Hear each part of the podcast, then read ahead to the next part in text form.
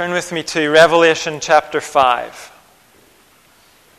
If you're using a church Bible, it's page 1236, and in the large print, 1918.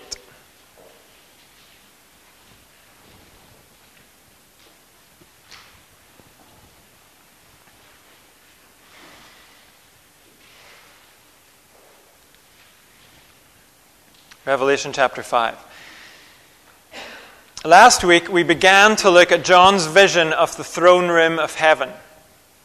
I say we began to look because Revelation 4 really only set the scene for us. As John described what he saw in that chapter, he began with the throne itself. Then he moved on fairly quickly to describe the scene around the throne. He focused on the 24 elders dressed in white with crowns of gold. We said those elders represent God's victorious people in God's presence. Twelve of them representing the twelve tribes of Israel, the Old Testament people of God, and twelve representing the New Testament people of God, which began with the twelve apostles. Then John described four living creatures who were round the throne. They represented God's sovereignty over all of his creation. And those living creatures also display God's invisible attributes His majesty, seen in the lion, His strength, seen in the ox, His intelligence, seen in the human face, and His protecting care, seen in the flying eagle. And chapter 4 ended with John describing the work of the elders and the living creatures. They bring worship day and night to the one on the throne. And now, as we pick up this morning in chapter 5, we find that having described the throne room for us, John looks back to where he started. His focus returns to the one on the throne. And what John sees makes him weep with frustration. Let's read chapter 5. John says, Then I saw in the right hand of him who sat on the throne a scroll with writing on both sides and sealed with seven seals. And I saw a mighty angel proclaiming in a loud voice, Who is worthy? To break the seals and open the scroll. But no one in heaven or on earth or under the earth could open the scroll or even look inside it. I wept and wept because no one was found who was worthy to open the scroll or look inside. Then one of the elders said to me, Do not weep. See, the lion of the tribe of Judah, the root of David, has triumphed. He is able to open the scroll and its seven seals. Then I saw a lamb, looking as if it had been slain, standing at the center of the throne, encircled by the four living creatures and the elders. The lamb had seven horns and seven eyes, which are the seven spirits of God sent out into all the earth. He went and took the scroll from the right hand of him who sat on the throne. And when he had taken it, the four living creatures and the twenty four elders fell down before the Lamb. Each one had a harp, and they were holding golden bowls full of incense, which are the prayers of God's people. And they sang a new song, saying, You are worthy to take the scroll and to open its seals, because you were slain, and with your blood you purchased for God persons from every tribe and language and people and nation. You have made them to be a kingdom and priests to serve our God, and they will reign on the earth. Then I looked and heard the voice of many angels, numbering thousands upon thousands, and 10,000 times 10,000. They encircled the throne and the living creatures and the elders. In a loud voice, they were saying, Worthy is the Lamb who was slain to receive power and wealth and wisdom and strength and honor and glory and praise. Then I heard every creature in heaven and on earth and under the earth and on the sea and all that is in them saying, To him who sits on the throne and to the Lamb be praise and honor and glory and power forever and ever. The four living creatures said, Amen. And the elders fell down and worshipped. This is God's word. In chapter 4, John began his description of the throne room by saying, There before me was a throne with someone sitting on it. We know by now the one on the throne is the Lord God Almighty. And now, as John returns to this figure on the throne, he tells us about the problem of the sealed scroll. Look again at verse 1. Then I saw in the right hand of him who sat on the throne a scroll with writing on both sides and sealed with seven seals. So, in God's right hand, John sees something like this. Notice what we're told about it. First of all, it's in the right hand of the Lord God Almighty, meaning it's His scroll. The contents of the scroll come from Him. Then we're told this scroll has writing on both sides. Why is that worth mentioning? Well, at this time, scrolls were not made out of paper. They were made of either papyrus, which is a plant, or vellum, which is animal skin. And whichever material was used, usually people only wrote on one side of the scroll. And there's a very simple explanation for that. It's because both papyrus and vellum had one smooth side and one rough side. The rough side was very hard to write on. So that means if someone did write on both sides of the scroll, it meant they wanted to fit everything they had to say onto one scroll. Scrolls had a maximum length. There's only so many bits you can join together before the thing gets unmanageable or before it breaks. So scrolls tended to be just over 30 feet long. If you wanted to put all the information on one scroll instead of spreading it over two, then you wrote on both sides if you had a lot to write.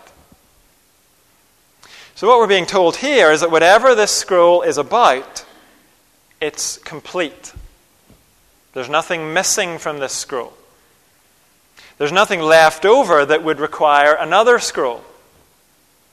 It's all here in this one scroll.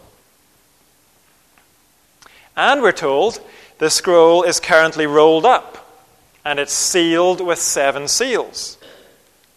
Something like this seven of these along the length of the scroll. That tells us a couple of things. It tells us the contents of this scroll cannot be changed. It's sealed seven times. And as we've seen, seven is used in the Bible and also in Revelation as the number of wholeness or completeness.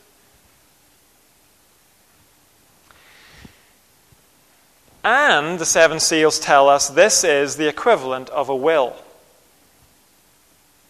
Historians tell us the Roman emperors Augustus and Vespasian left behind their wills, which were sealed with seven seals. So, this scroll in God's hand is, in a sense, God's will. Obviously, it's not exactly the same as a human will. There's no suggestion here that God, the Almighty, is going to die.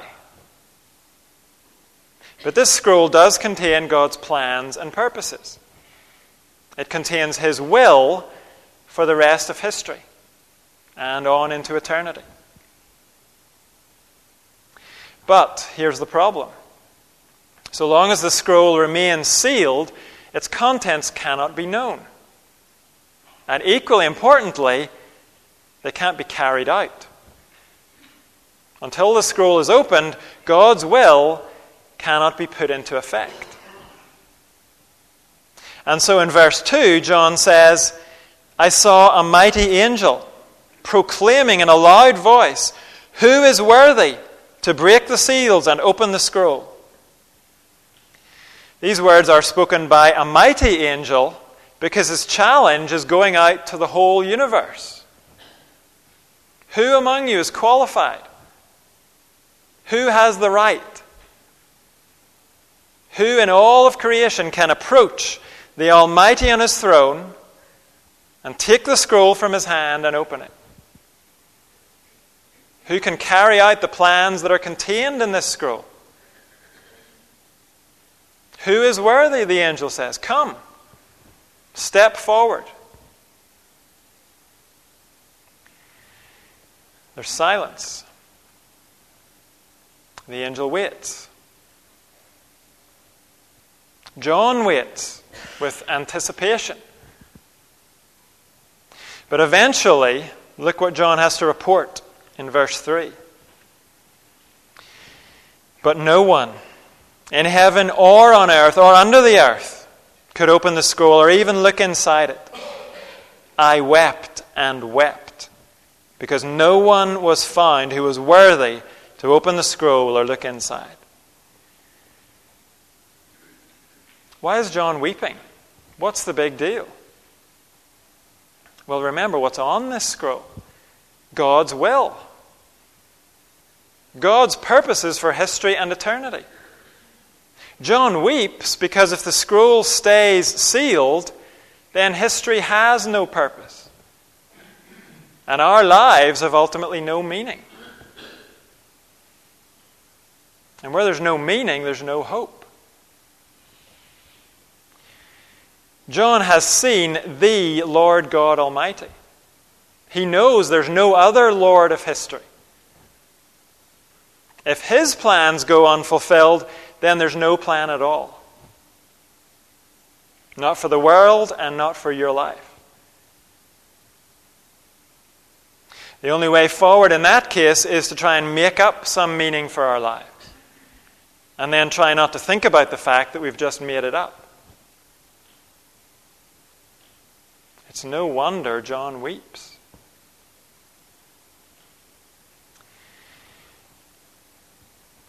Ralph Barton was a successful writer in the last century. He committed suicide. And this is the note, or part of the note, that he left behind. He said, I have had few difficulties, many friends, great successes. I have gone from wife to wife, house to house, visited great countries of the world. But I am fed up with, with inventing devices to fill up 24 hours of the day. As far as I know, Ralph Barton was an atheist. And he saw the full implications of his position. If there's no one on the throne of the universe, then there is no plan for the universe. And we're all just trying to invent ways to fill up our time. And equally, if there is a God with a plan, but his plan cannot be carried out, then we are in exactly the same position. It's no wonder John weeps. It seems like the scroll in God's hand cannot be opened.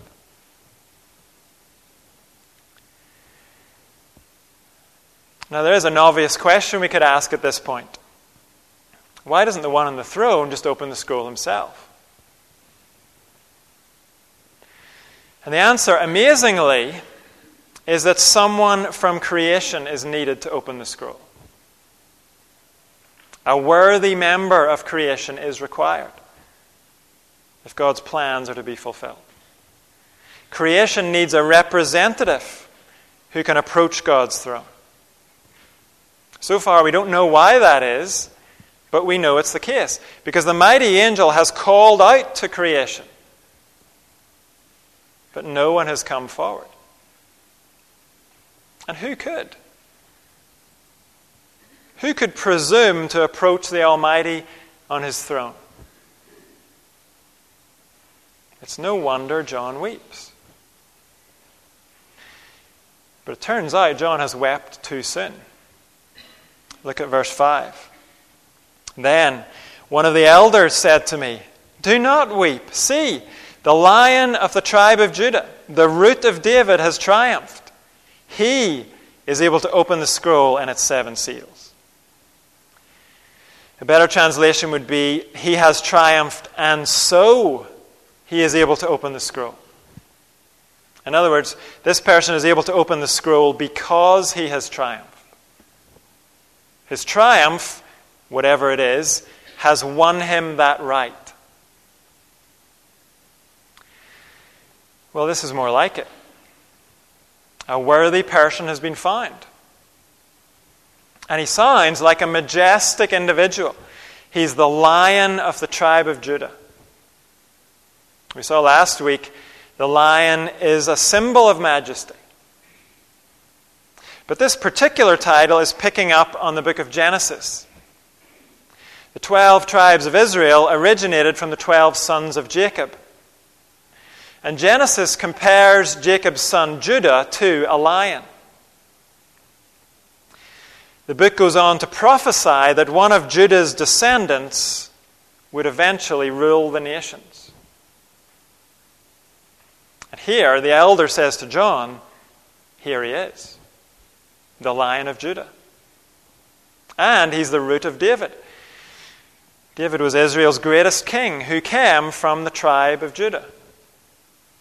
So, this lion, we know, is a human being. But apparently, he is also worthy. He has triumphed in some way, and that qualifies him to open the scroll.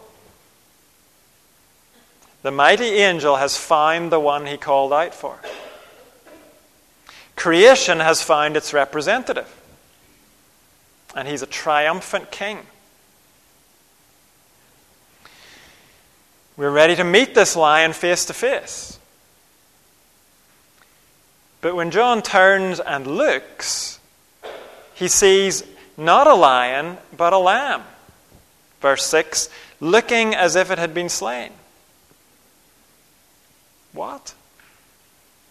Is John looking in the wrong direction? Did he turn the wrong way? No, the lion is the lamb, and the lamb is the lion. The lion triumphed by becoming the slaughtered lamb. The one who is worthy is the triumphant lion who is the slain lamb. By this point, we know John is looking at Jesus Christ. The very first chapter of the New Testament traces Jesus' human ancestry back to both David and then to Judah.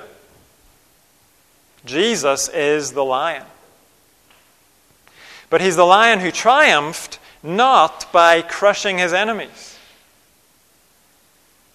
No, he triumphed by submitting to death at the hands of his enemies. We'll see in a moment why that was a triumph. But it's worth repeating here something we saw back in chapter 1. Back in chapter 1, John saw Jesus with a sword coming out of his mouth. We realize then the vision is not showing us what Jesus physically looks like, it's telling us something about Jesus. In that case, it was telling us his word rules the sword of his mouth. And here, we're not being told Jesus physically looks like a lion or a lamb. No, both of those pictures are telling us things about who he is. He is the king who won a great victory by his death. And now he has risen from death with power. He's standing at the center of the throne. And verse 6 goes on to say the lamb has seven horns. The horn in Scripture is a symbol of power. Seven horns indicate complete power. The Lamb also has seven eyes. And we're told those are the seven spirits of God sent out into all the earth. It seems this sevenfold Spirit is a reference to the Holy Spirit, who is sent by the Lamb. So the Lamb, who is now risen from death, has all the power and authority of the lion. He is worthy to break the seals and open the scroll. Verse 7 He went and took the scroll from the right hand of him who sat on the throne. And when he had taken it, the four living creatures and the twenty four elders fell down before the Lamb. Each one had a harp. They were holding golden bowls full of incense, which are the prayers of God's people. And they sang a new song. The lion lamb has triumphed. That's a reason to celebrate. And heaven does celebrate with this new song. When you and I think of harps today, we probably think of those big upright things about the size of a door. The kind of instrument that produces dreamy, ethereal background music. But Don Carson assures us we'll be closer to the mark here if we think of a banjo, or maybe a ukulele, or a marimba, or steel drums. This is foot tapping music. It's joyful. It's celebration music. It's not music to accompany a polite cup of tea. And along with the party music, there is a festive smell from bowls that are full of incense. And we're told those bowls of incense symbolize the prayers of God's people. That tells us the worship of God's people here on earth is added to this celebration in heaven. And the opening part of this new song gives us the reason why the lion lamb is worthy to open the scroll. It is not simply because he died, it's because of what his death achieved. Look at the middle of verse 9, the first part of this new song. You are worthy to take the scroll and to open its seals, because you were slain, and with your blood you purchased for God persons from every tribe and language and people and nation. Blood is a way of talking about violent sacrificial death. That's what it means in the Bible. And no one familiar with their Bible could read these words and not think of two Old Testament passages. First, the slaughtered lamb in the book of Exodus. We read it earlier. We read about it. God told the Israelites, My judgment is coming on Egypt. Death is coming. So each Israelite family must take a lamb, slaughter it, and put some of the blood on the door frames of your houses. When I see the blood, God said, I will pass over you. I'll accept the lamb's death in place of yours. The slaughtered lamb would buy life for Israel. And that's what happened that night. The Israelites went free. And those who knew their Bibles would also read these words and remember the prophecy about another slaughtered lamb, a servant of God mentioned in Isaiah chapter 53. A man who would be led like a lamb to the slaughter, and whose death would buy life for many. That's what Jesus did on the cross. His death was not an unfortunate setback for God's plans. His death, his death was a triumph. His death won a victory. It bought a people for God out of their slavery to sin. Without the work of the slain lamb, God's purposes would not be fulfilled. The new heaven and earth would be empty. And we would all face God's judgment for our sin. But the Lamb has died as our substitute. When we trust in His work, we become part of this people He has bought with His blood. And notice this is not just about being saved from judgment, great as that is. We have also been bought for God's service. Look at verse 10. You have made them to be a kingdom and priests to serve our God, and they will reign on the earth. Being bought to serve God is not a downside. It means our lives do have purpose. We don't have to make up a reason to get out of bed in the morning. We know why our hearts are beating. We know why our lungs are drawing in breath. It's so we can serve God. We do our work not for ourselves, not for our boss or our teacher we do it for Him, the one on the throne. And His service is not burdensome, it's not drudgery. It's where we find our true fulfillment. It's what we were made for.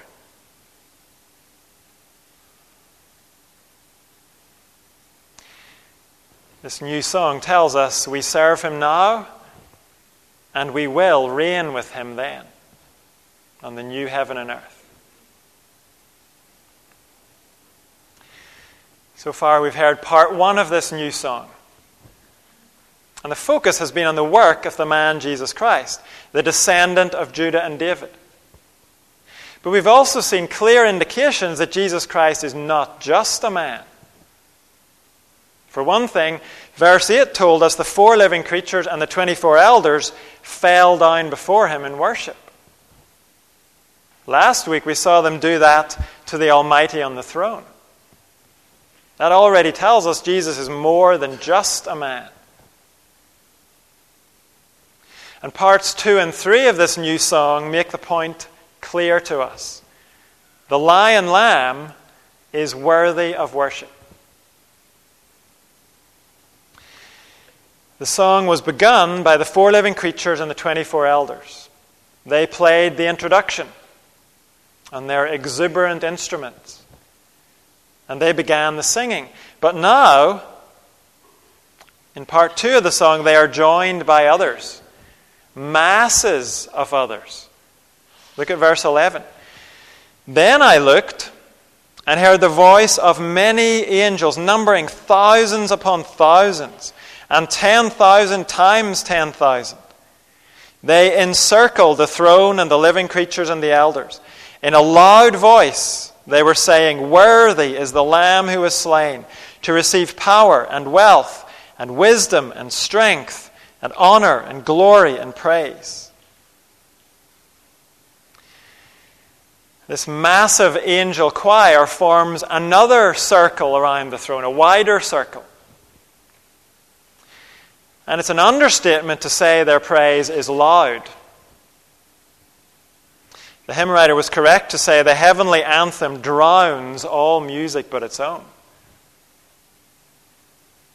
There's no room for any other sound except this song of praise.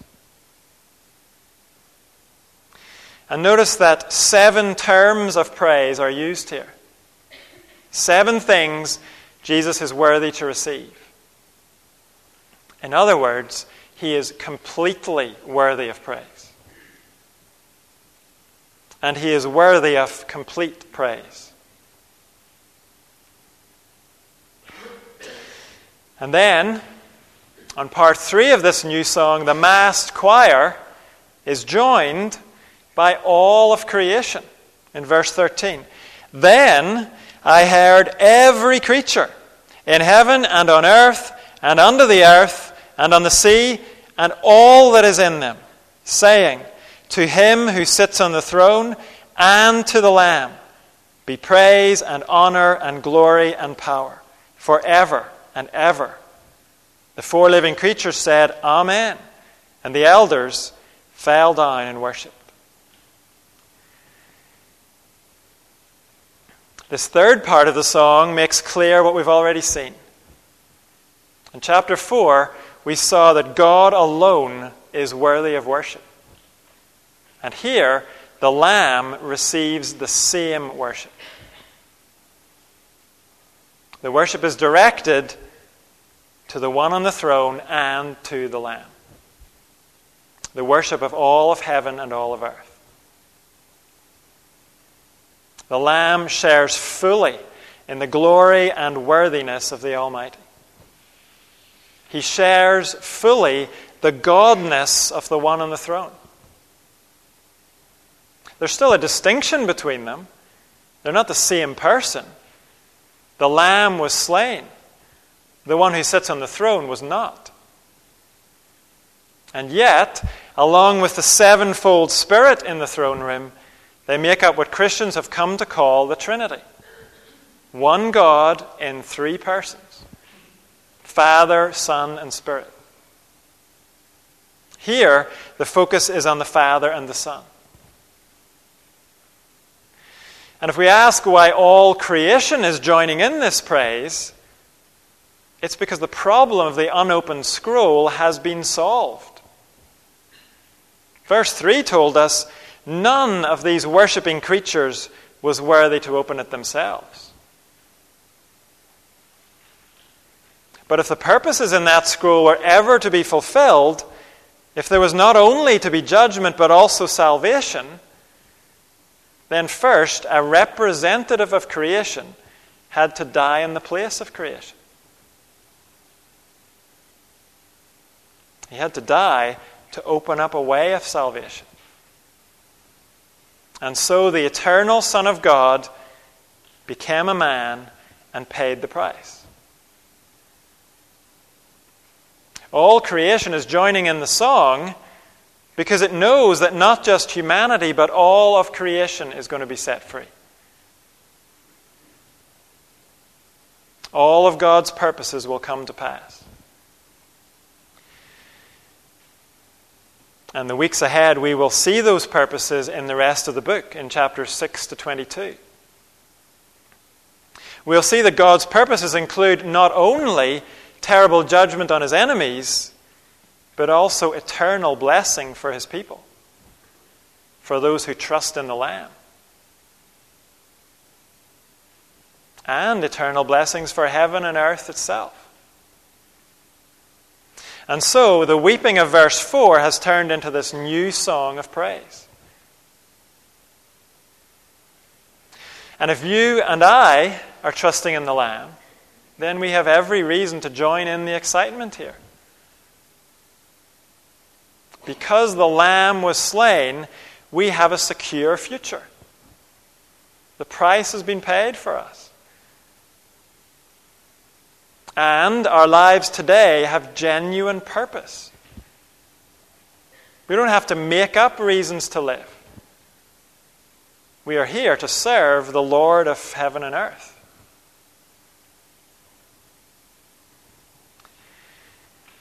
And part of our service to Him is to cry out, You are worthy. Our whole lives are to be a song of praise to His worthiness. And that certainly includes our singing. And so, before we gather around this table and continue remembering the Lamb, we're going to join all creation in praising God, Father, Son, and Spirit. Let's stand and sing together, all creatures of our God and King.